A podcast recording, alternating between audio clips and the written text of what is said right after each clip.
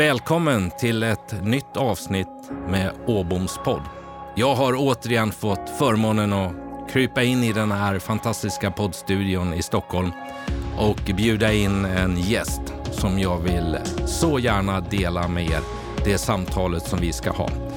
Ja, framför mig sitter en trevlig och eh, jag skulle nog kunna säga lite lätt framåtlutad person.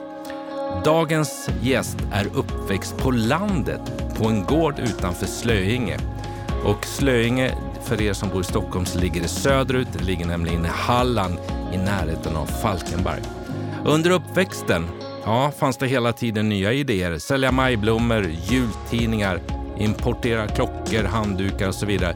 Till och med ordna bussresor till Uefa-cupmatcher med IFK Göteborg i, Sto- eh, i Göteborg naturligtvis och så vidare. Varje lov, ja men då var han flitig. Då var det extrajobb på något som hette Bertekvarn. Min gäst ville bli polis och snabbaste vägen dit är att gå på en social linje, göra lumpen och sedan söka in på Polishögskolan. Men så finns det som alltid i livet ett men. Ja, det var lång tid och väntan på det här så istället så började han att utbilda sig till dammsugarförsäljare på Electrolux och efter då åtta månader på Electrolux Business School ja, då började han istället att jobba med ett godisföretag som sen blev ett större godisföretag, nämligen att han började på Malaco. Därefter har min gäst varit försäljningschef på Marabou, VD för OLV, VD för Best Hand, VD för Weibulls. sedan 13 intensiva och häftiga år på IKEA. Flera styrelseuppdrag som vi säkert kommer att beröra. Bland annat är han idag ordförande i Bertegruppen som han sommarjobbade för. Men 2020, rakt in i hetluften, då tillträdde han som ny börs för Skistar nio dagar innan covid landade i Sverige. En otroligt spännande resa och en härlig personlighet som jag har framför mig. Jag säger varmt välkommen till dig, Stefan Sjöstrand. Tack så hemskt mycket Mikael. Det är fantastiskt att få träffas efter så många år. Ja, när träffades vi första gången? Eh, jag satt här och funderade. Jag tror att det är 94 eller 95, men jag är inte helt säker. Nej. Och det var när jag var på Dagab och då var du en leverantör till mig. Ja, och jag, det är det jag inte kommer ihåg om jag jobbade på Malaco eller om jag var på Mara, men jag tror det var 94 på Malaco faktiskt. Ja, någonstans där började ja. Och att vi då 2020 skulle sätta oss en, um, en vårkväll på, i en poddstudio, ja men det visste vi inte. Men nu gör vi det. Ja, jag tycker det är fantastiskt. Det var så härligt att få se dig tidigare när jag kom på parkeringen här. Och du står faktiskt likadan ut som du gjorde sist jag träffade dig, så det ja, känns härligt. Mycket. Det är ömsesidigt. Ja, Eh, Stefan, jag är jätteglad över att du har tackat ja. Jag vet att du har ett hektiskt schema. Jag vet att du har en lång bilresa efter nu och så vidare eh, kring det här. Men jag är jättetacksam. Jag tror nämligen att du har någonting väldigt bra att förmedla till våra lyssnare med din resa, din erfarenhet. Och jag ska försöka att navigera i hela din karriär för att plocka av och plocka ut en del av de här delarna. Den här podden handlar ju om ledarskap, handlar om kommunikation, drivkraft, handlar ju lite grann om framtiden eh, kring det här. Att dela med oss av tips och råd. Som, eh, vi kan väl ändå säga att båda två vi är ganska erfarna ledare, men vi är ödmjuka inför framtiden. Men vi har ju varit med en del. Och att få dela med sig av det till andra tycker jag är en av livets gåvor. faktiskt. Ska jag säga. Det ska vi göra. Eh, innan vi går vidare så skulle jag säga, det här var ju min introduktion av dig Stefan. En häftig resa. Men jag ställer ändå frågan så att mina lyssnare kan få lite mer. Vem är Stefan Sjöstrand? Ja, vem är Stefan Sjöstrand? Eh, jag är 52 år och eh, är gift eh, med Helen. Och vi har tillbringat väldigt många år tillsammans. Vi träffades redan i slutet på 80-talet och har tre barn tillsammans. Och Ludvig då, som är vår äldsta son, han har faktiskt skrivit sin sista tenta idag efter fyra års univers universitetsstudier, så det är ju fantastiskt. Grattis Ludvig! Grattis säger vi, hälsa! Ja. Och sen Maja som är 20 år som gör sitt andra år på universitetet och eh, sen då Stina som är 16 år bor då hemma med föräldrarna i Köpenhamn där vi har landat. Eh, och eh, vad jag menar med landat är att eh, vi som familj har varit ute på en fantastisk resa, eh, framförallt eh, under de senaste 13 åren när jag varit på IKEA. Och rest världen runt, haft förmånen att få bo i Holland, fått förmånen att bo i Frankrike och också i Kanada.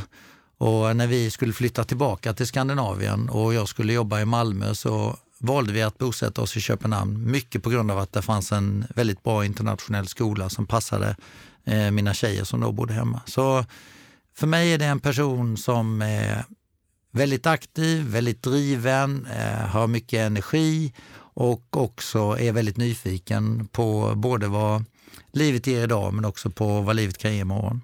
Så jag vet inte om det var en det var den korta versionen, får vi se om du kommer med den långa. Jag kan ju bara stryka under det här med nyfiken och, och eh, aktiv energi, det, det kan jag säga. Och jag skulle lägga till, en person som vill vara väl förberedd. Så är det. Jag ställde mycket frågor till dig innan. Vad ska du fråga? Men du har ju inte gett mig några frågor så jag är väldigt nyfiken det här på vad det här är samtalet, samtalet så det är underbart. Det, det blir...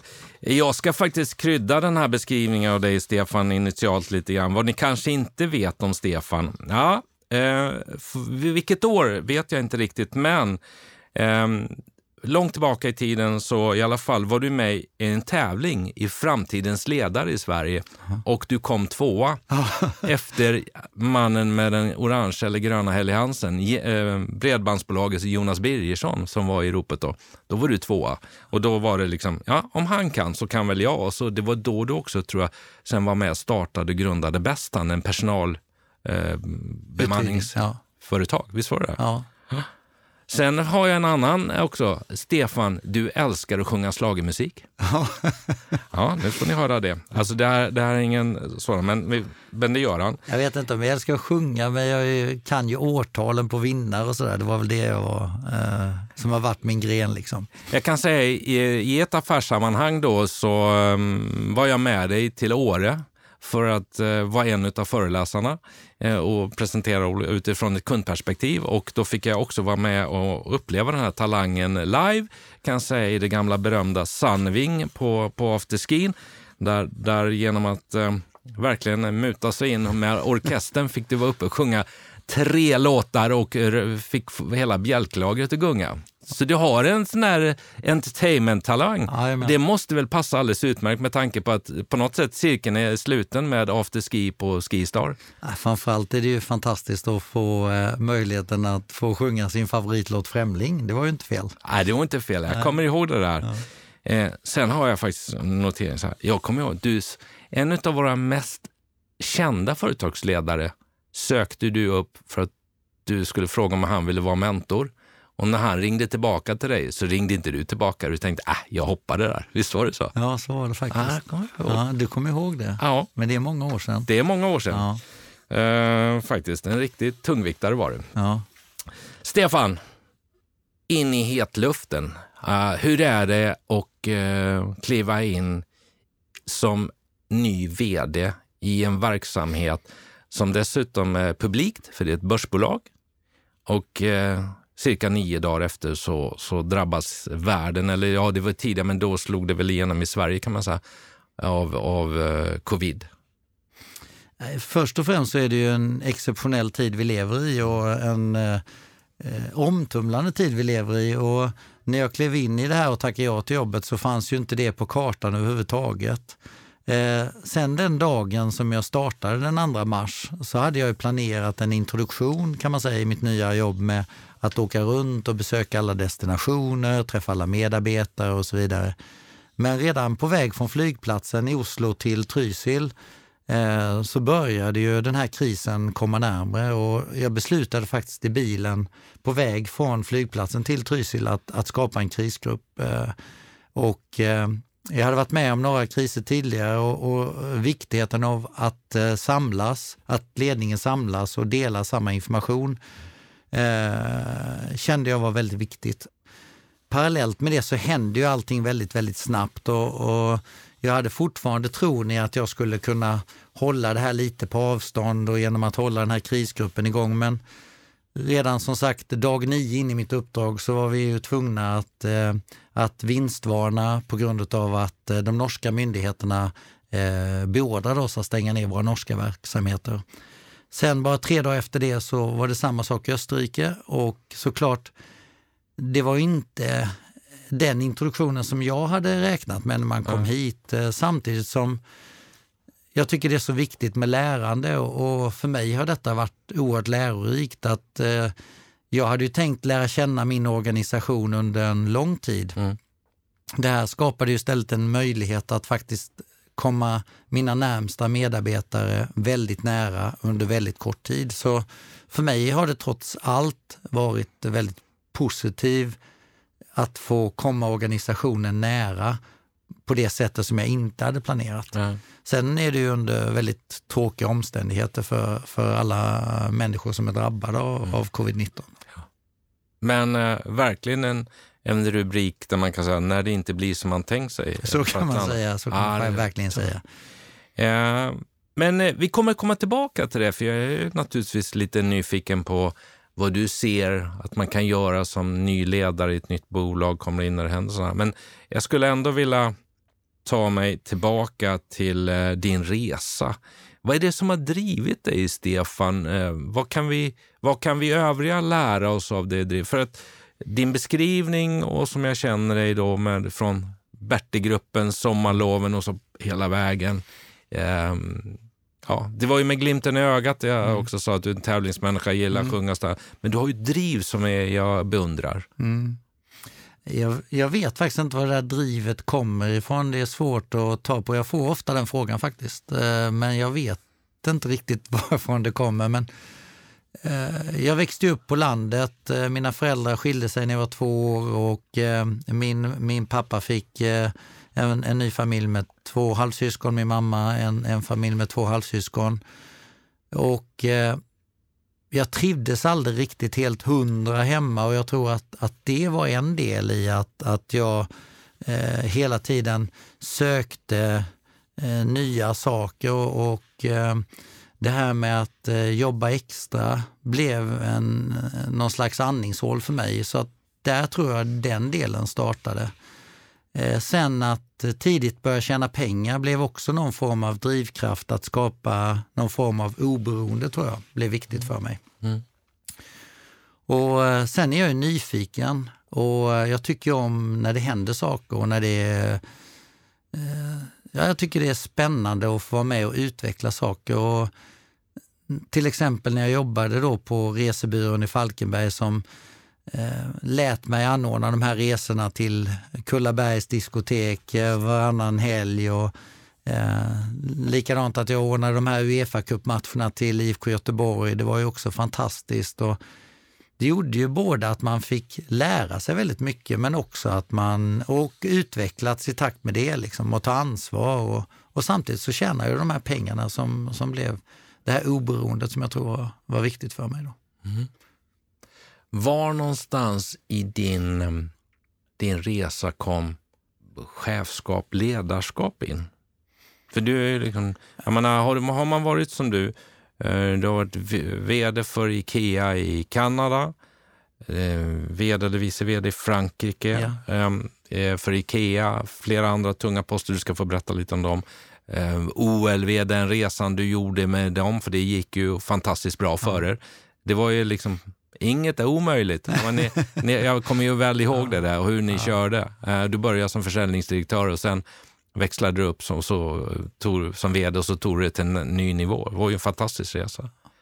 Var, någon, var, var, kom ledar, var är ledarskapet? Vi kommer att prata om ja, lite affär och kommunikation, men ledarskapet? Alltså, jag har ju ett enormt driv liksom och, ehm, och för mig handlar det ju om att jag är väldigt passionerad också och, och jobbet blir väldigt mycket en passion för mig och ett intresse och jag går ju in helhjärtat för det.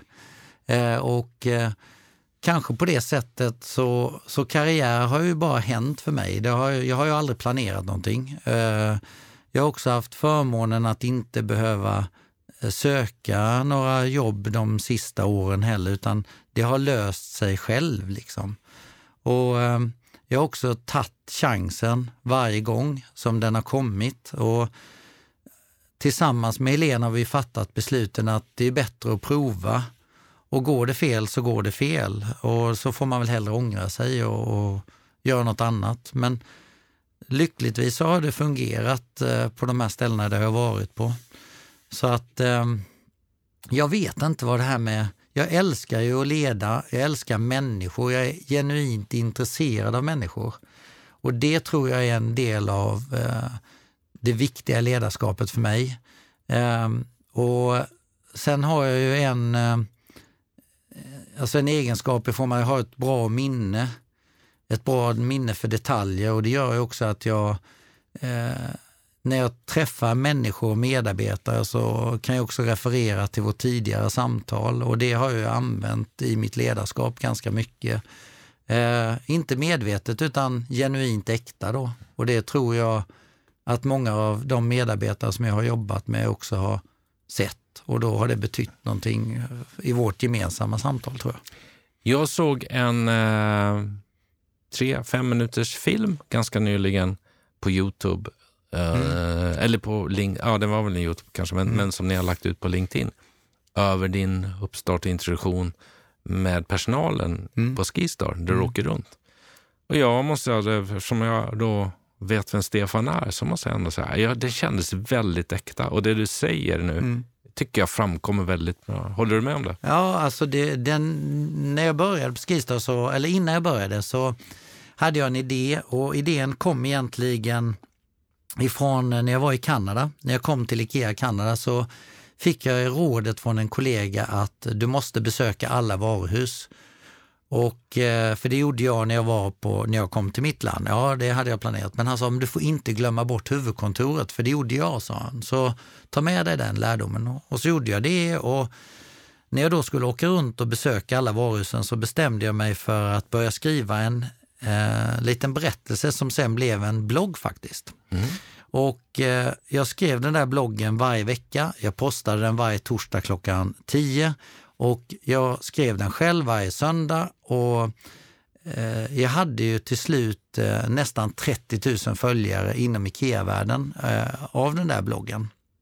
Och den blev ju på något sätt mitt ofiltrerade verktyg ut i verksamheten.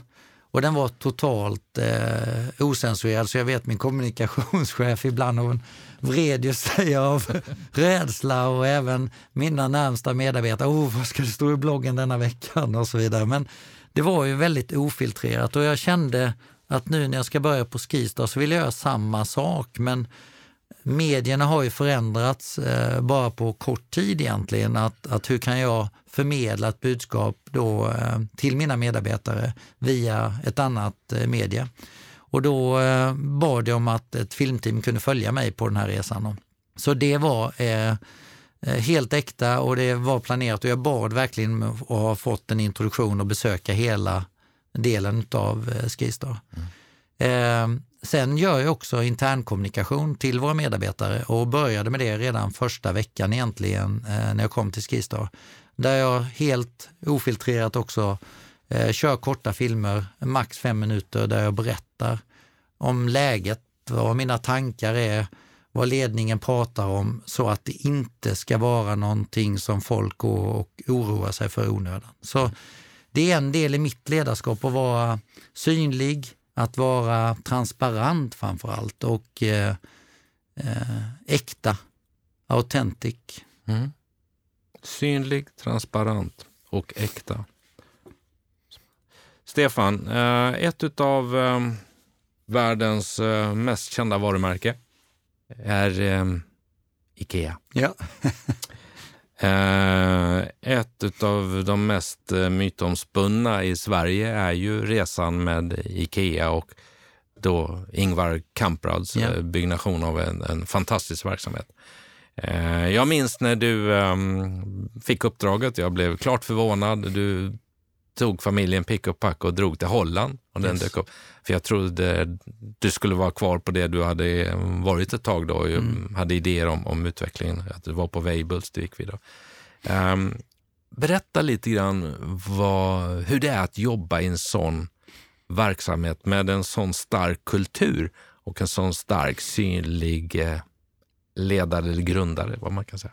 Äh, det, Eh, Eh, Ikea är ju ett eh, fantastiskt bolag och eh, Ingvar var en fantastisk person och en fantastisk personlighet. Och, eh, Ikea präglades ju av hans sätt att vara med medarbetare men också genuint intresserad av sortimentet från liten skruv till en fantastisk design och, och eh, sättet som Ingvar grundade begreppet democratic design eh, som består av fem parametrar är ju för mig väldigt eh, unikt och talande om hur han tänkte väldigt, väldigt tidigt. Och också förmågan att skapa en kultur som också genomsyrar ett bolag som hade, när jag slutade, 190 000 medarbetare eller någonting sånt. Ingvar var ju också en eh, väldigt eh, karismatisk person och någon som besatt en väldigt hög kunskap och hade också ett väldigt bra minne och, och delade alltid med sig av sina misstag, vilket också jag tyckte var väldigt skönt att komma till Ikea, till en förlåtande kultur. Då. Ehm, jag hade förmånen att få träffa Ingvar vid ganska många tillfällen. Förde förmånen att få jobba nära honom, eh, vilket också var fantastiskt.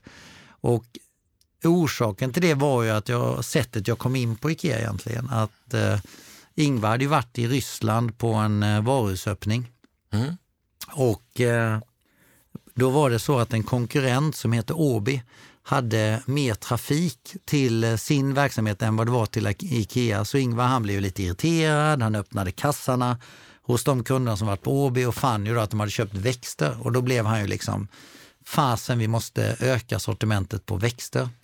Och eh, då bestämde han också att Ikea skulle skapa en eh, komponent i varuhusen som han döpte till glashus som egentligen är bara ett, en eh, glasruta, glasruta okay. som släpper in mer dagsljus egentligen in mm. i neddelningen på, på Ikea-varuhuset. Och eh, jag var då vd på Weibull och eh, jag var på intervju. Jag sa jag kan inget om växter men jag kan, jag vet hur det funkar liksom. Och då så sa de att det är perfekt för oss. Eh, så eh, jag kom dit och, och fick uppdraget att bygga upp ett globalt sortiment av växter mm. och i ett företag som är vana vid att jobba bara med platta paket och eh, då strukturera ett sortiment som skulle se likadant ut i hela världen. Det var en utmaning. Ja. Eh, det i kombination med också att eh, få vara med i den här styrgruppen på att förändra utseendet på eh, designen utav ett IKEA-varuhus mm. var ju också en utmaning att testa sig fram. Och där var ju också Ingvar fenomenal i att eh, test and fail in small scale och lära sig av misstagen. Liksom. Och det var ju det som var Eh, tycker jag, ett enormt lärande att när man gör förändringar, när du gör stora förändringar, gör inte allt på en gång utan våga testa i liten skala och eh, gör misstagen där och sen kan du rulla ut. Och det var ett av de eh, lärosteg som, som jag fick möjligheten att, att få ta del av. Det måste vara en, en, en hygglig, härlig erfarenhet att, att ha med sig i den resan. Ja, alltså dels det och sen eh, fick jag för, förmånen att få lära känna, jag hade en fantastisk mentor också mm. som anställde mig på Ikea som fortfarande är min mentor. Mm. Och eh, han eh, gav ju mig möjligheten att eh, inte gå rätt in i operationen direkt utan han sa att ta tiden och lär känna bolaget och skaffa dig ett nätverk inom Ikea. Och eh, jag fick ju förmånen att resa runt lite i början också och skaffa mig ett stort nätverk, mm. vilket sen har hjälpt mig under min resa inom Ikea, mm. där många av besluten fattas mm. i nätverken. Eh, och också sättet att eh, ta sig fram inom IKEA-världen när man inte vet vart man ska vända sig, då är också nätverket mm. varit fantastiskt att ha med sig. Då. Hur, eh, hur skulle du beskriva att det är att vara anställd på Ikea? Det är fantastiskt. Eh, det är ett eh, helt fantastiskt bolag med en kultur och värderingar som är enormt starka. Mm. Och det var det som jag fastnade för och också som gjorde det väldigt svårt att, att lämna Ikea. Mm. Eh, ja, för det kan jag tänka mig inte var ett enkelt beslut efter när du ändå varit där så lång tid. Ja, det är nog ett av de svåraste besluten mm. som, som jag har fattat faktiskt. Och det som Ikea är ju, även om det ägs av en stiftelse, är det ju ett familjebolag och, mm. och har styrts av Ingvar och hans tre söner och, och även eh, styrelsen som Ingvar har valt att använda sig av är ju människor som präglar samma värderingar mm. och eh, insikter, vilket eh, också såklart präglar hela kulturen då i bolaget. Och när jag då skulle lämna Ikea så var det viktigt för mig att komma till ett bolag, även om Skistar är ett börsnoterat bolag, så är ju eh, den största ägaren eh, en familj, familjen Paulsson, mm. som grundat Peab och, och Erik och Mats eh, som grundade Skistar en gång i tiden. Eh, de kom ju till Lindvallen för att köpa ett eh, rekreationsboende för sina anställda. Men de åkte därifrån med 37 stugor och en skidbacke. Är det så ja, det började? Ja, så började och okay. jag tycker det är fantastiskt. Och idag är det ju 45 år av folkhälsa faktiskt mm. som mm. Erik och Mats valde. Och de är ju sanna entreprenörer, precis som Ingvar var en sann entreprenör. Och Skistar präglas av samma anda, samma känsla och eh, inte samma tydliga vision som Ikea har. Mm. Eh, men eh, det som är, spännande är just entreprenörskapet och det familjeägda som, som på något sätt eh, är väldigt lika, måste jag säga. Då. Mm. Och det var det som jag fastnade för och valde att kliva in i när jag klev in i, ifrån Ikea in i Skistarvärlden. Värderingar, Stefan? pratade om dem, men dina egna värderingar. Hur, hur, hur viktigt är det med eh, dina värderingar eh, utifrån eh, som en parameter i att vara ledare idag? Jag är, jag är en väldigt värderingsstyrd person och eh, det är väl lite grann därför också som eh, jag haft eh, jag har ju haft förmånen att få jobba med, med familjen Stenström till exempel som då äger eh, Bertegruppen eh, som består av, det är tre delar. Dels är det Bertil Gård som har en stor gård med mjölkkor och det är Bertil Kvarn eh, som är navet, hjärtat, Sveriges äldsta och en av världens äldsta då, eh, kvarnar sedan 1569 och sen Oj. då det mest kända varumärket Siaglass. Mm. Eh, och att få jobba i en sån miljö är ju också baserat på värderingar och eh, en familj som har ägt, samma familj som ägt bolaget sedan 1569 är värderingsstyrt. Mm. Jag har förmånen att få sitta med i Derome eh, som är ett eh, bolag som också är familjeägt som jobbar med byggnation av hus, A-hus och Varbergshus, men också av lägenheter, och också äger sågverk eh, och eh, byggmarknader för proffs. Och präglas också av en enormt stark eh, kultur, värderingar och för mig är det väldigt, väldigt viktigt. Och det har blivit viktigare egentligen de senaste, skulle jag vilja säga, kanske 15 åren då.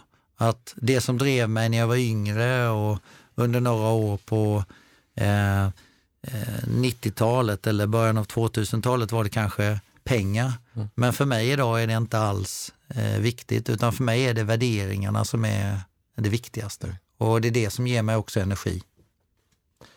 Den verksamheten som jag jobbar i idag med mina varumärken som du känner till, Fonus och Familjens Jurist, så har vi ju, vi är ju inte ett familjeägt utan vi är ett kooperativt ägt bolag.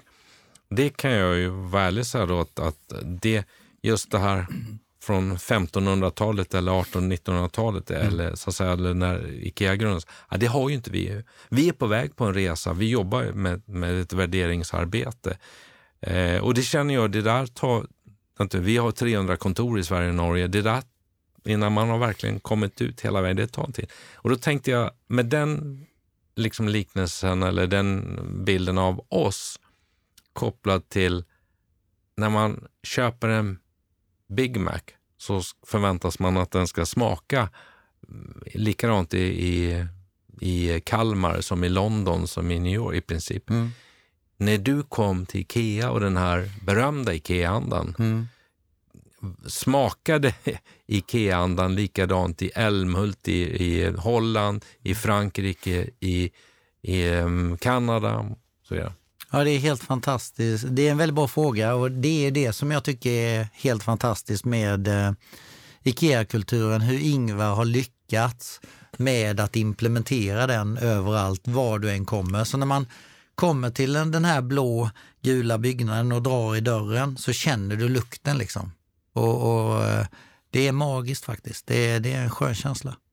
Mm. Det, och det är så överallt var den kommer. Jag kan säga till er då när jag nu tittar Stefan i ögonen att det, det, det, det, blir lite fuktigt, lite, det glimrar i de här och det är starkt. Och eh, eh Det är oerhört intressant att mm. få, få, få lyssna lite på, den, på dig som har lagt så många år och varit på insidan av den där kulturen. Mm. Eh, som är ett fantastiskt framgångsrikt affärskoncept och sättet att jobba, Stefan. Ja, det är det. Eh, börsbolag då? Mm. Har det varit din dröm? Nej, absolut faktiskt inte. Utan det var nog bara så att när eh, den här eh, möjligheten dök upp så var det ju en av de eh, plustecken som jag satte att jag vill ju göra saker som jag aldrig har gjort tidigare. Eh, och eh, jag hade varit på Ikea i 13 år och eh, gjort väldigt många fina saker. Och som då 52-åring så måste man ju börja fundera, är det på Ikea jag vill vara hela livet? Eller vill jag göra någonting annat? Och, och när den här möjligheten dök upp så var det ju som jag sa tidigare, det var ett bolag med stark kultur, starka värderingar, entreprenörsstyrt. Men sen var det också börsbolag, det var lite spännande, jag har aldrig gjort det. Och eh, då får man väl lära sig något nytt tänker jag. Och eh, det är väl lite grann om mig då. Så sagt gjort. Here we go. Ja. Kasta sig ut liksom och, och, testa liksom. Och vad är det värsta som kan hända då? Så det är väl att jag får lämna mitt uppdrag liksom. Men, men jag är inte så rädd för det. Då får, väl, då får ja. jag väl lita på något annat. Uh, till er lyssnare och gäster, uh, till dig som gäst vill jag bara säga då att, eller nej, från gästen har det kommit ett... Um, så vi ska göra något unikt i Åboms podd. Det har kommit ett krav. Oj, det, ja. eh, Stefan, som ni förstår på min inledning, gillar musik. Och eh, normalt sett så avslutar vi podden med att eh, gästen får önska sin favoritlåt och vi spelar den. Och det gör vi också. Men när man bjuder in Stefan Sjöstrand så säger han Japp, jag kommer Åbo, men jag ska ha två låtar med. Så nu ska vi faktiskt eh, ta en paus från detta starka samtal och eh, få lyssna på en av dina önskelåtar. Och vad har du valt? Jag har valt eh, Lisa Nilsson och eh, Himlen runt hörnet. Och den är ju då också skriven av en annan av mina favoritartister, Mauro Scocco. Fantastiskt. Vi tar och lyssnar på den och så återkommer vi strax.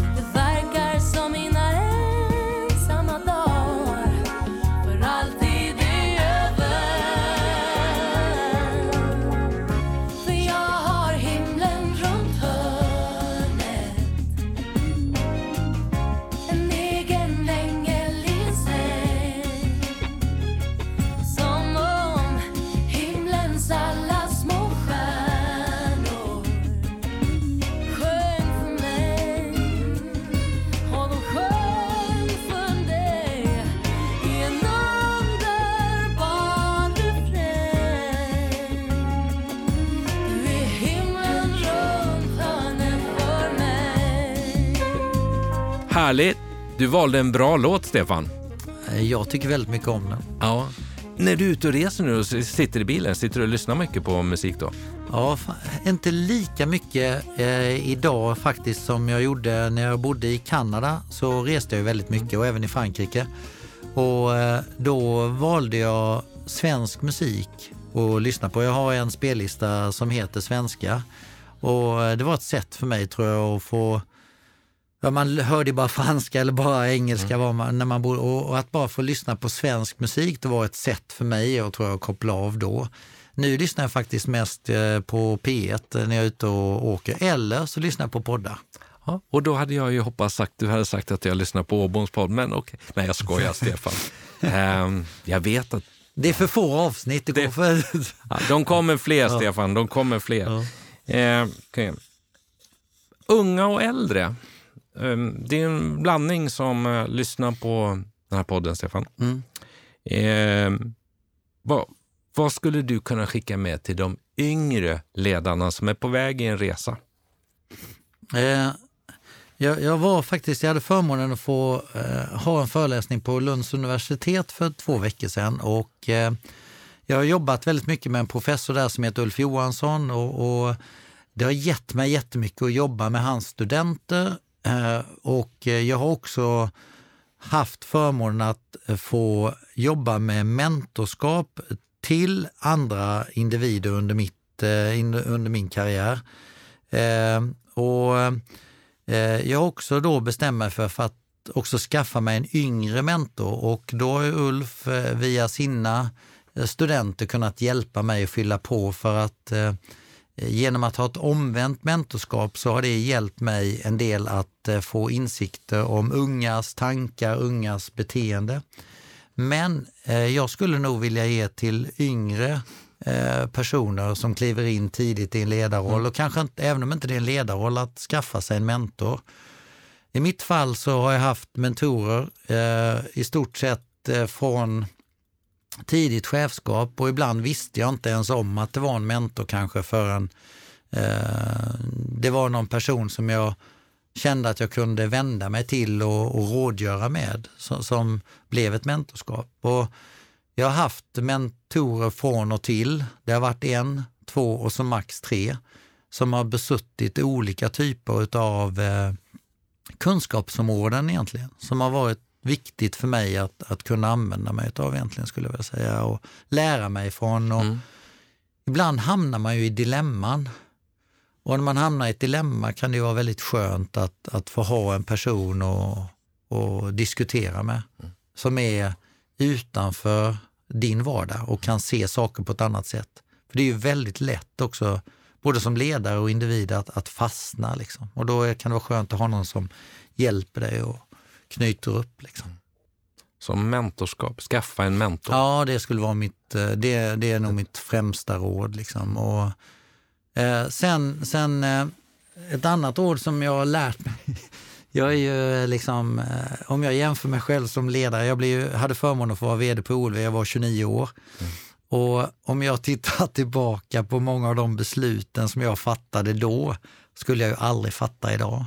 Och det bygger ju på erfarenhet då såklart. Men vad jag, då är jag en person som har alltid haft kanske lite bråttom då. Och Om man jämför mig idag och, i, och då så är jag väl betydligt mer långsam idag, även om jag då kanske fortfarande, om jag betecknar mig som snabb, så, men jämfört med då så, så var jag väldigt snabb. Och det jag lärt mig är att orka hänga upp och ner, kallar jag det.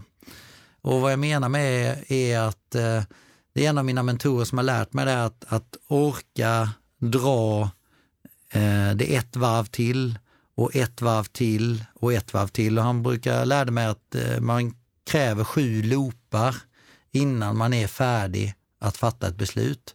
Och de sju looparna kan ju vara under en minut och de sju looparna kan ju också ske under en dag eller en vecka. Men att man faktiskt inte har så himla bråttom. Är det viktigt att fatta det här beslutet nu? Eh, eller kan jag faktiskt vänta? Är du bra på att reflektera?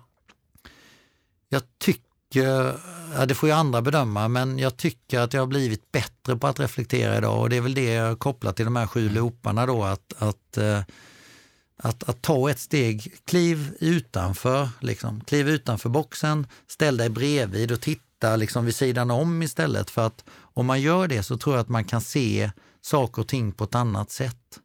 Och också se det från, kanske ibland om det är en förhandling, att jag försöker se det från motpartens sida. Och vad, hur vill jag verkligen eh, se det? Eller från medarbetarens sida. Hur ska jag kommunicera? Att jag försöker göra det enkelt och, och det gör jag ofta genom att reflektera. Mm. Reflektion är viktigt. Mm. Det är att lära sig annat. Och det- kan man väl säga, Stefan, det kommer med åren lite grann också. eller hur? Ja. I alla Nej, fall jag om man kanske är liksom. Ja. framåtlutade som både Ja. du och jag har varit i, i vår sätt att vara. Eh, du pratade om eh, OLV, att eh, som vd 29 år, eh, vissa av de besluten mm, skulle jag inte göra idag. Så, eh, vad, är, vad är den stora skillnaden, som du säger, vd på OLV, eh, vd på Bestend, vd på Weibull, vd för eh, något Ikea-land och nu vd för Skisa. Vad är, vad är liksom skillnaden i resan? Vad har hänt under de här åren? Du har digitaliseringen, sättet att kommunicera eller, eller är det bara den egna eh, utvecklingen utifrån att man blir mer förståndig eller rutinerad, om det nu är så?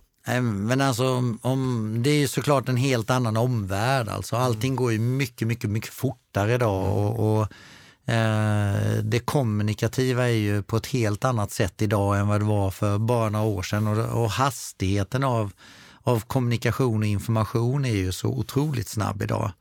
Jag kommer inte ihåg exakta talen, men det var ju någon, någon nämnde för mig att när olyckan eh, eh som skedde med Estonia till exempel, eh, att, att nå 90 procent av eh, svenska befolkningen kunskap då tog nästan två veckor när det, när det hade skett. Eh, och när man jämför då med till exempel eh, covid-19 då som bara sker inom loppet av några timmar så känner alla till det och, och så vidare. Så att hastigheten av kommunikation har ju förändrats såklart. Eh, så det är väl den stora delen. Men om man då tittar på, på grunden så är det så att det jag har jobbat med under alla de här åren som är gemensamt är ju trots allt människor.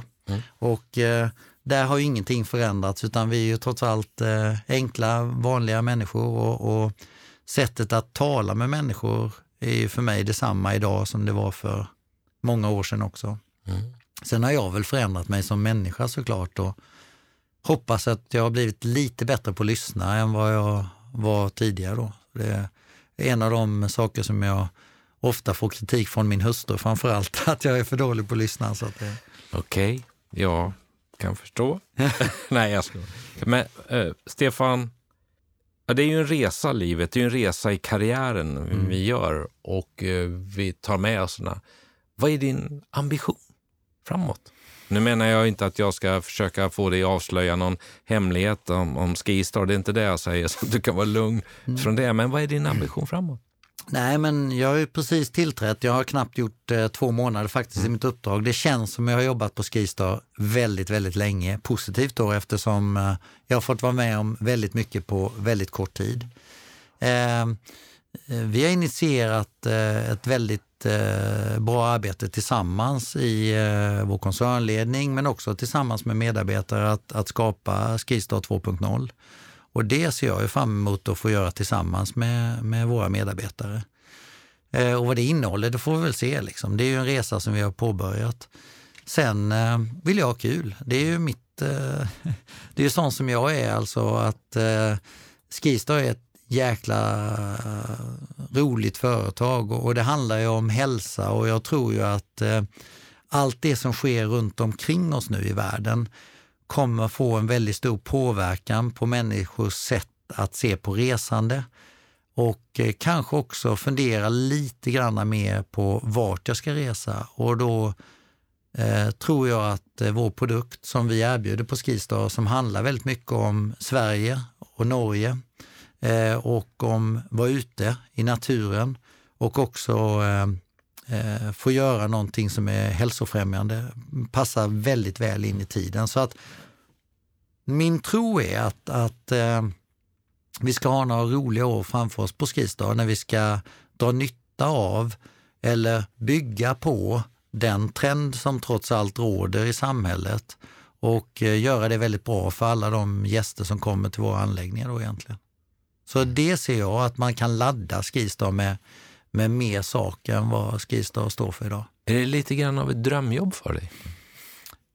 Alltså, i detta fallet så, just nu är det ju det och att, att få jobba med ett livsstilsföretag och någonting som jag känner är väldigt rätt kopplat till mitt hjärta då, att, att vara aktiv och, och eh, jag tycker väldigt mycket om att åka skidor. Jag har gjort sedan jag var eh, mindre än, än eh, tio år gammal och jag fick mina första slalomskidor. Och, och så där. så att, att åka skidor har alltid varit viktigt både för mig och för min familj. Och, och att nu få arbeta med det är ju också en förmån faktiskt.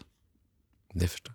Alltså jag ska ju säga då till eh, er lyssnare som inte ser Stefan när han kom in. Han, han hade en sportig look. Det var den senaste eh, Skistar-jackan på och, och, så vidare, trendigt kring det här. Um, och jag tänkte också när jag såg pressmeddelandet då när det gick ut, och tänkte att det där är klockrent. Um, jag kom att tänka på Åre, mm. Sandving naturligtvis, direkt när jag såg det där. Men också uh, att, att du är, gillar den typen av det sociala uh, för, och hälsa. Det vet jag i de här delarna. Och uh, inte minst liksom att det är lite sportigt, det är mm. fräscht, det är kul. Och sen när jag såg den där filmen då, så, här, ja, så, bara, så förstår man ju bredden. In och åka pistmaskin och du sa att ah, jag ska få köra några meter också. Man såg ju verkligen glöden hos dig. Du är nyfiken, du tycker det är kul, du ja. gillar bredden. Det måste vara en, en, drivkraft hos dig va? Ja, det är det verkligen. Och, och eh, när jag hade förmånen att få jobba på Ikea så, så var det också en drivkraft för eh, när jag var där så fick jag, mitt första uppdrag var ju då det här med växterna och, och då var det så att Ikea bestämde sig också för att ändra sin inköpsprocess eller dokumentera den inköpsprocessen.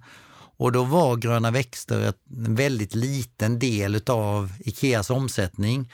Och då valde vi ju Ingvars mantra att provtrycka en ny process. Yeah. Och då valde man gröna växter för det var då eh, knappt 1 av omsättningen. Och eh, jag fick då vara med och utveckla hela den inköpsprocessen som eh, Ikea då byggde upp. Och det var ju ett enormt lärande i det. Och eh, det gjorde ju också att jag senare i livet när jag jobbade i Hjälmhult eh, och mm. med, jobbade med sortimentsutveckling, när man hade massa leverantörsbesök, hela tiden hade den här inköpsprocessen med sig in i, i bakhuvudet. Liksom, hur går det till? Hur tänker vi? Hur kan vi producera den här produkten ännu mer effektivt? Vad kan man göra? Hur kan vi ställa de rätta frågorna till leverantören och eh, säkerställa att vi får en produkt som är i rätt pris för kunden då, mm. liksom i slutändan. Så det eh, var ju fantastiskt, liksom, när man kan tänka och äga hela värdekedjan och det tycker jag har varit eh, väldigt, väldigt spännande. Då. Det här har ingenting att göra med din karriär och ledarskapet, men ändå. I, I Frankrike bodde du i Paris. Stämmer. Eh, I Holland bodde du i Amsterdam. Amsterdam. Nu bor du i Köpenhamn. I, i, I Kanada bodde du i Toronto. Toronto. Och så, hur är det att bo? Nu är det en personlig nyfiken. Hur är det att bo i Älmhult? Ja, det är fantastiskt. Det är helt makalöst. Eh, jag skulle nog vilja säga till alla som eh, aldrig har varit där, åkt dit. Det är ett fantastiskt samhälle och eh, där alla hjälper varandra och det är verkligen ett entreprenöriellt samhälle. Där finns allt du kan tänka dig inom loppet av fem minuter. Och eh, för oss som eh, jobbar där, eller folk som kommer dit på besök, man kommer med tåg, man kliver av på stationen, det är vilket litet samhälle som helst. Och så går man eh, 500 meters promenad till ett vitt hus som heter Ikea Sweden och så öppnar man dörrarna och så är det bara rätt in i ett internationellt mecka. Eh, när man kliver ut ifrån det här meckat som är helt fantastiskt där man har jobbat internationellt eh, under en, en full arbetsdag så åker man hem till sin familj med cykel för det är så nära, man eh, har allt där. Och eh, kan då eh, ha tre barn som vi har i vår familj, eh, dubbla arbeten, min hustru jobbar, jag jobbar fulltid. Barnen kan ha tre aktiviteter var utan att eh, det på något sätt inskränker på din fritid eller någonting annat för att allting finns inom fem minuter. Du kan få ett samtal från ett av dina barn. Eh, Pappa, min cykel har gått sönder. Då säger man i mötet, kan vi ta tio minuters paus? Och så åker man och hämtar sin dotter och sen så tar man hand om eh, dotterns cykel och så kör man hem och så tillbaks i mötet och så kan det fortsätta. Det finns få ställen i världen där man kan ha ett internationellt uppdrag eh, och samtidigt ha en fantastisk eh, familjesituation liksom, där du eh, work-life balance. Det är helt... Kulturen tillåter verkligen Ja, ja, absolut. Det är helt magiskt. Så det är, Älmhult är fantastiskt. Det finns allt ifrån en enkel pizzeria till en thai-restaurang, till en sushi-restaurang, till en fantastisk eh, guaroye brasserie. Men du, det, låter, alltså du, det är mycket superlativ om, om karriären de 13 åren på Ikea, Ja. eller hur? Ja, alltså det var ju fantastiskt för mig som individ och det var fantastiskt för oss som familj. Även om det var ju också en påfrestning såklart att göra fem flyttar på tio år. Det är ju ingenting. Om, om jag säger till dig Mikael, skulle du kunna tänka dig att göra fem flyttar på tio år? Liksom?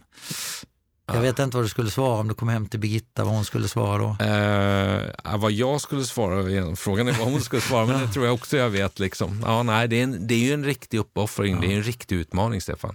Så, så, så eh, ibland, man ser ju bara den, den ljusa sidan av myntet. Man får ju inte glömma bort att det kräver ju väldigt, väldigt mycket av din partner och också av dina barn att, att få att göra en sån resa. Så att eh, man är ju faktiskt inte ensam, för det är så lätt jag sitter här i podden, men egentligen skulle kanske familjen sitta här i podden lika gärna, för det är ju trots allt eh, ett, ett familjebeslut att, att göra de här sakerna och, och vara med om de här sakerna. Så att eh, det får man faktiskt inte glömma bort. Stefan, när man lyssnar på dig, och vad, vad, kan, vi, vad kan vi ta med oss? Va- varför har det ja, gått så bra för de företagen där du har jobbat? Och därmed då indirekt, varför har det gått så bra för dig, Stefan? Alltså, om det har gått bra för mig, liksom, det, det jag vet inte, det, de här bolagen som jag har jobbat i, det är ju fina varumärken eh, och, och för mig kanske det har varit att säga nej till saker eh, ibland, men säga ja till saker. Och på något sätt så, vad var det Ingmar Te- Stenmark sa, ju mer jag tränar, ju mer tur får jag. sånt där. Så, att, så att jag har väl haft kanske då turen att välja rätt bolag och sen har jag fått eh, träna väldigt hårt på, i de bolagen jag jobbat kanske. Så att, eh, men sen är det väl också när man har känt att det var fel. Liksom, jag var ju, mm, jag jobbade ju eh, sex och ett halvt år inom eh, Freja Marabou-koncernen då och var fem och ett halvt år på Malaco och ett år på Marabou. Och eh, på Marabou trivdes jag ju aldrig riktigt hundra även om vi var i samma koncern. Och att då välja att kliva av när det inte känns bra, det tror jag är en sak som, som har varit viktig. Liksom att, att, att inte vara kvar i någonting som känns dåligt. Då.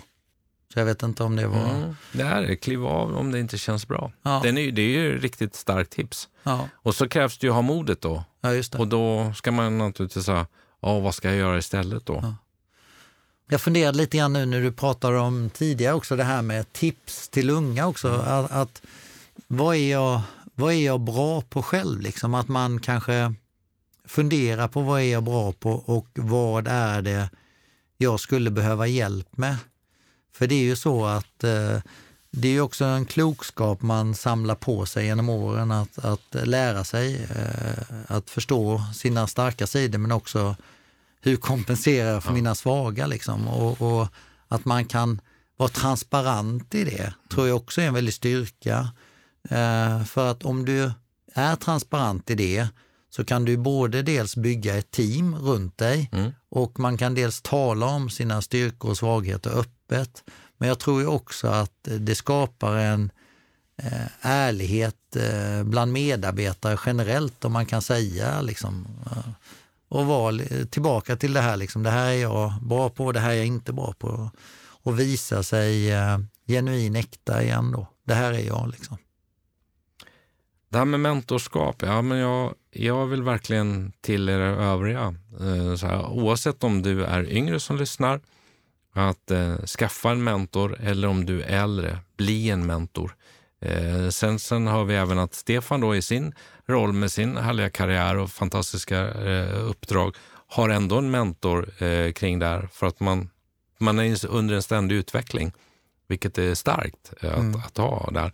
Jag har precis klivit in i att vara mentor för en ny. Vi har haft vårt första möte Eh, och jag tycker det är ett mentorprogram. Jag har ställt upp och det ska bli jättekul att jobba med den här tjejen under ett år framöver liksom i ett program och så får vi se vad det tar vägen.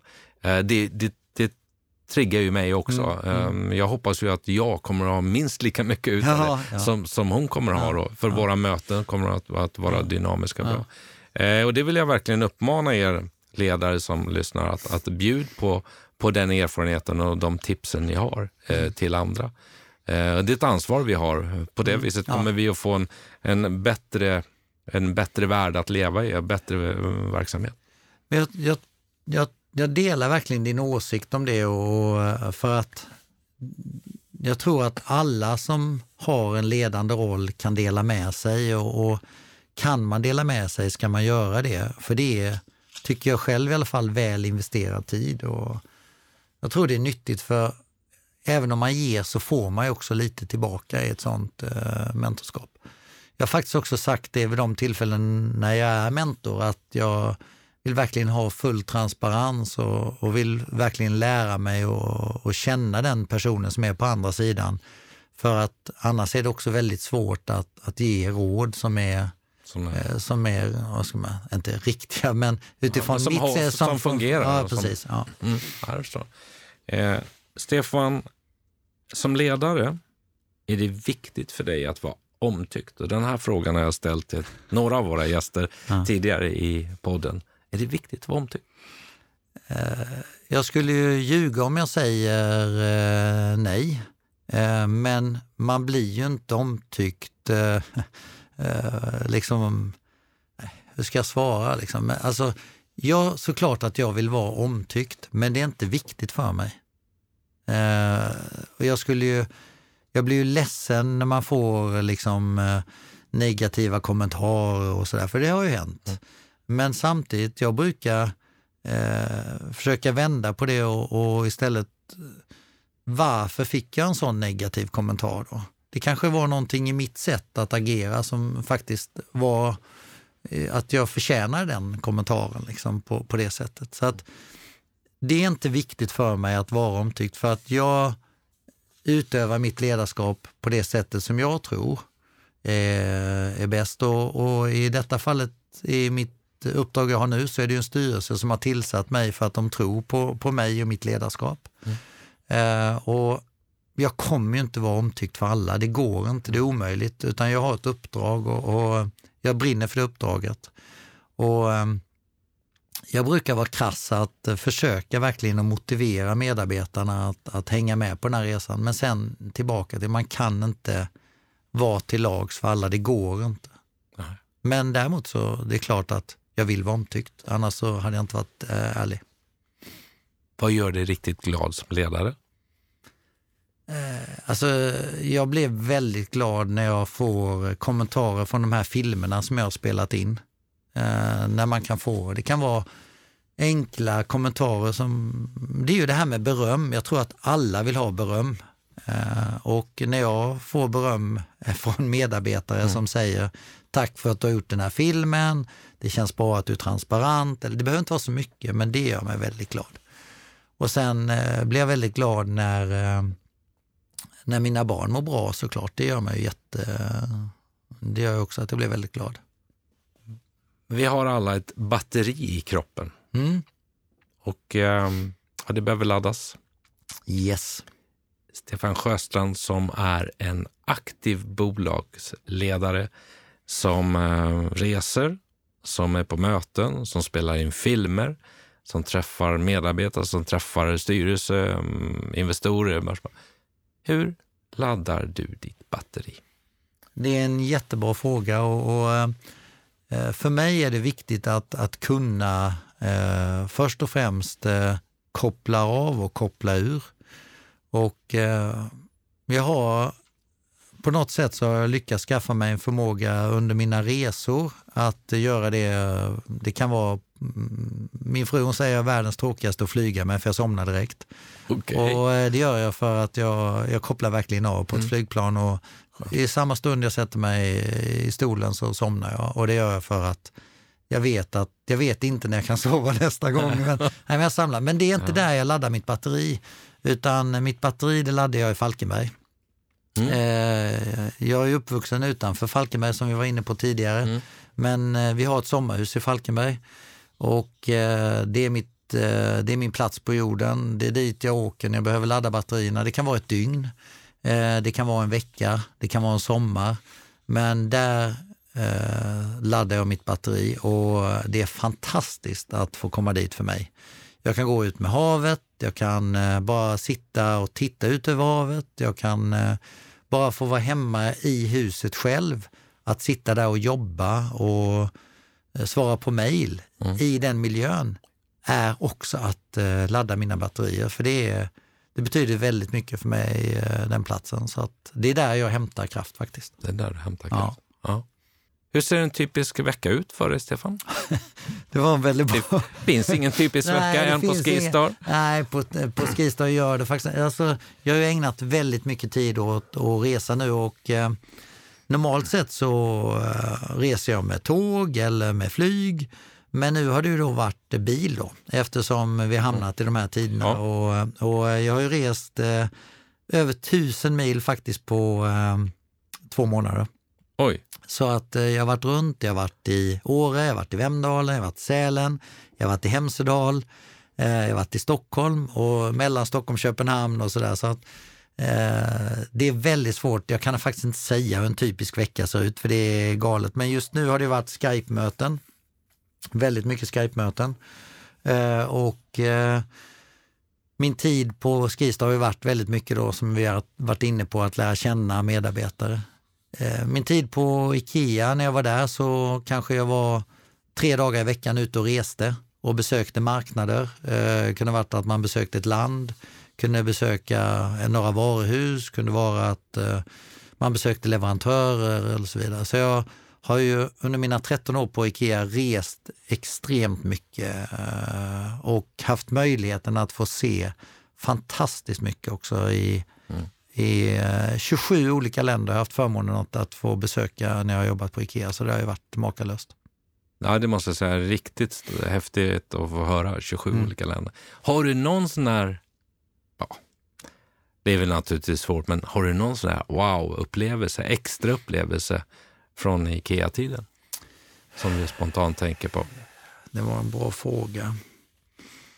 Eh, alltså, det, det är lite olika, så det är svårt att säga, svara på riktigt för att under tiden i Kanada som land hade vi en fantastisk tid som familj och jag hade en fantastisk tid som ledare för Ikea Kanada.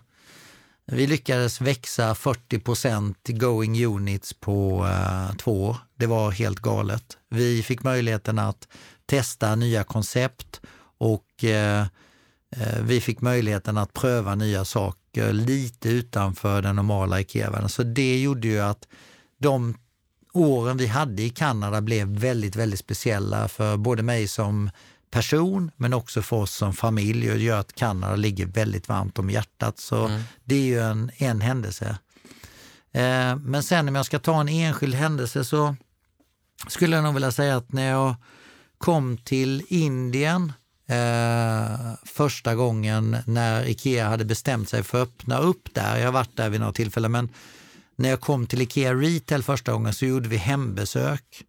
Och eh, när man kom i eh, de här kvarteren och fick möta de här människorna som hade en helt annan syn på livet och ekonomi än vad många andra av eh, de kunder som jag kanske hade träffat på tidigare och så trots allt den livsglädje som fanns hos de människorna i Indien. Det var ju fantastiskt och eh, eh väldigt, eh, vad ska man säga, du blev väldigt tagen när du var och mötte de här människorna i deras hem och samtidigt se hur stolta de var över sitt hem eh, som kanske många hade sett som väldigt spartanskt. Då. Så det, det är väl någonting som jag kan känna var väldigt, eh, hade stor eh, impact på mig som person. Då, ja, faktiskt.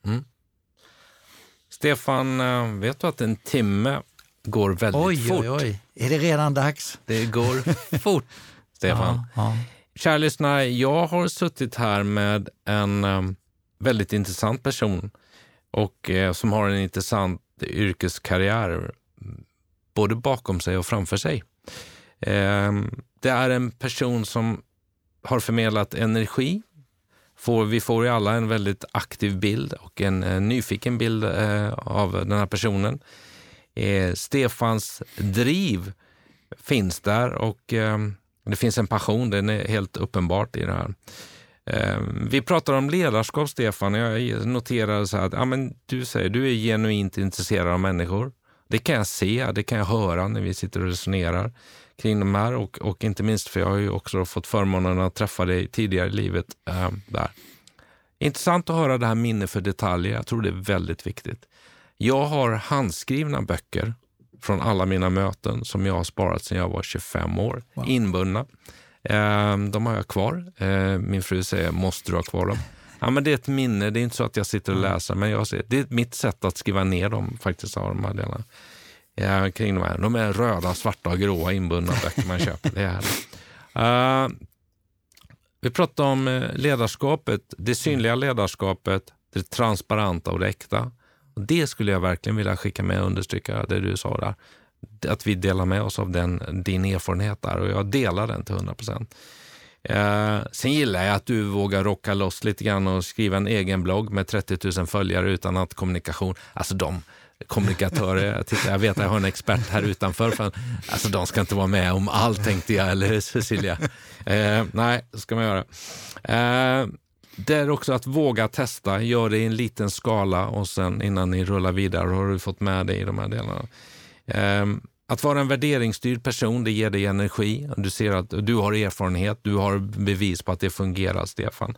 De tipsen jag noterade framförallt är till att, lite mer kanske till de yngre, men det gäller oss alla egentligen. Skaffa en mentor. Var ärlig mot dig själv och säg, vad är jag bra på? Eh, och eh, fyll på med det som behöver utvecklas då.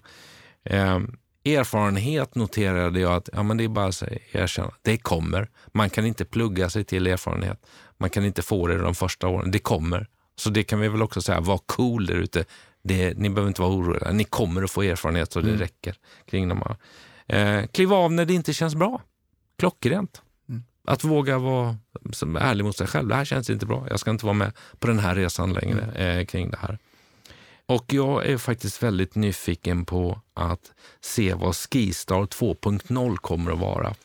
Eh, Den ska vi följa och den ber jag er övriga. Eh, Jag vet att du, kommer, du är redan aktiv på LinkedIn och så vidare. Så att, eh, Och Instagram, Och Skistar. Stefan. Följ mig gärna på Skistar det, Stefan. det har inte jag gjort än, det ska jag göra. Ja, Då ska ja. vi fixa det innan vi stänger. Och, eh, eller skiljs åt. Är, ha kul, ja det vet jag, du gillar ju det. Återigen, eh, sjunger man Främling och lite annat så förstår jag att man verkligen vill ha kul eh, kring de här. Eh, fina varumärken har du jobbat med, Stefan. Men det innebär fortfarande att vi som ledare, medarbetare, vi behöver träna mycket. För ju mer vi tränar så kommer vi ha den där lilla extra turen som man säger i det här. Och beröm, glöm inte det, det är viktigt sa du. Det vill även vi som vd ha kring de här.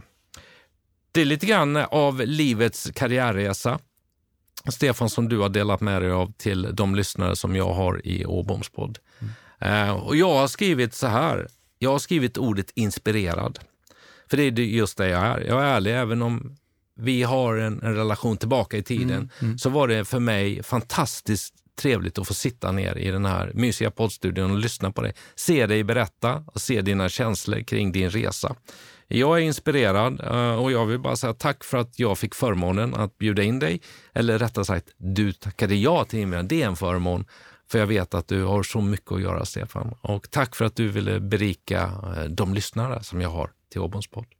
Tack så hemskt mycket för att jag fick komma och det var ju fantastiskt kul att få se dig efter så många år. Och känns som en ny start på att få ses igen och få eh, träffa dig och, och din familj igen. Det ser jag fram emot. Ja, det gör vi gärna, Stefan. Hör du, jag vill bara säga ett stort lycka till med eh, resan som du gör med Skistar nu. Ehm, och vi kommer och solen går upp imorgon. Eh, skidanläggningar kommer inte vara stängda i all evighet och så vidare. Eller hur? Det kommer en ny säsong. Du har mycket att göra. Eh, jag kommer att hålla alla tummar jag kan. Eh, och hoppas naturligtvis att man får lite rabatter på de där dyra liftkorten. Eh, men men eh, så är det väl. Nej, det kanske man inte får. Men De prisvärda liftkorten. de prisvärda, ja det är helt... Ni ser, han, är, han har inte slått av liksom, takten. Nej, det skojar. Stefan, vi stänger dagens podd med att eh, lyssna på ännu en av då dina låtar som du har valt. Vad ska vi bjuda lyssnarna på? Jag funderade på om vi skulle ta en svensk låt till då, men sen är det ju så att vi har ju pratat om människor och om stjärnor. Och då finns det en grupp som heter Coldplay som har gjort en, tycker jag själv, väldigt bra låt som eh, heter A Sky Full of Stars som handlar om just eh, alla de fantastiska människor som finns där ute. Underbart. Det sätter vi punkt för. Återigen, var rädd om dig, hälsa hem till familjen och tack.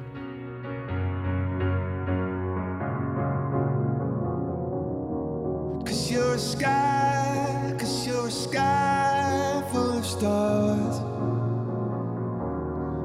I'm gonna give you my heart. Cause you're a sky,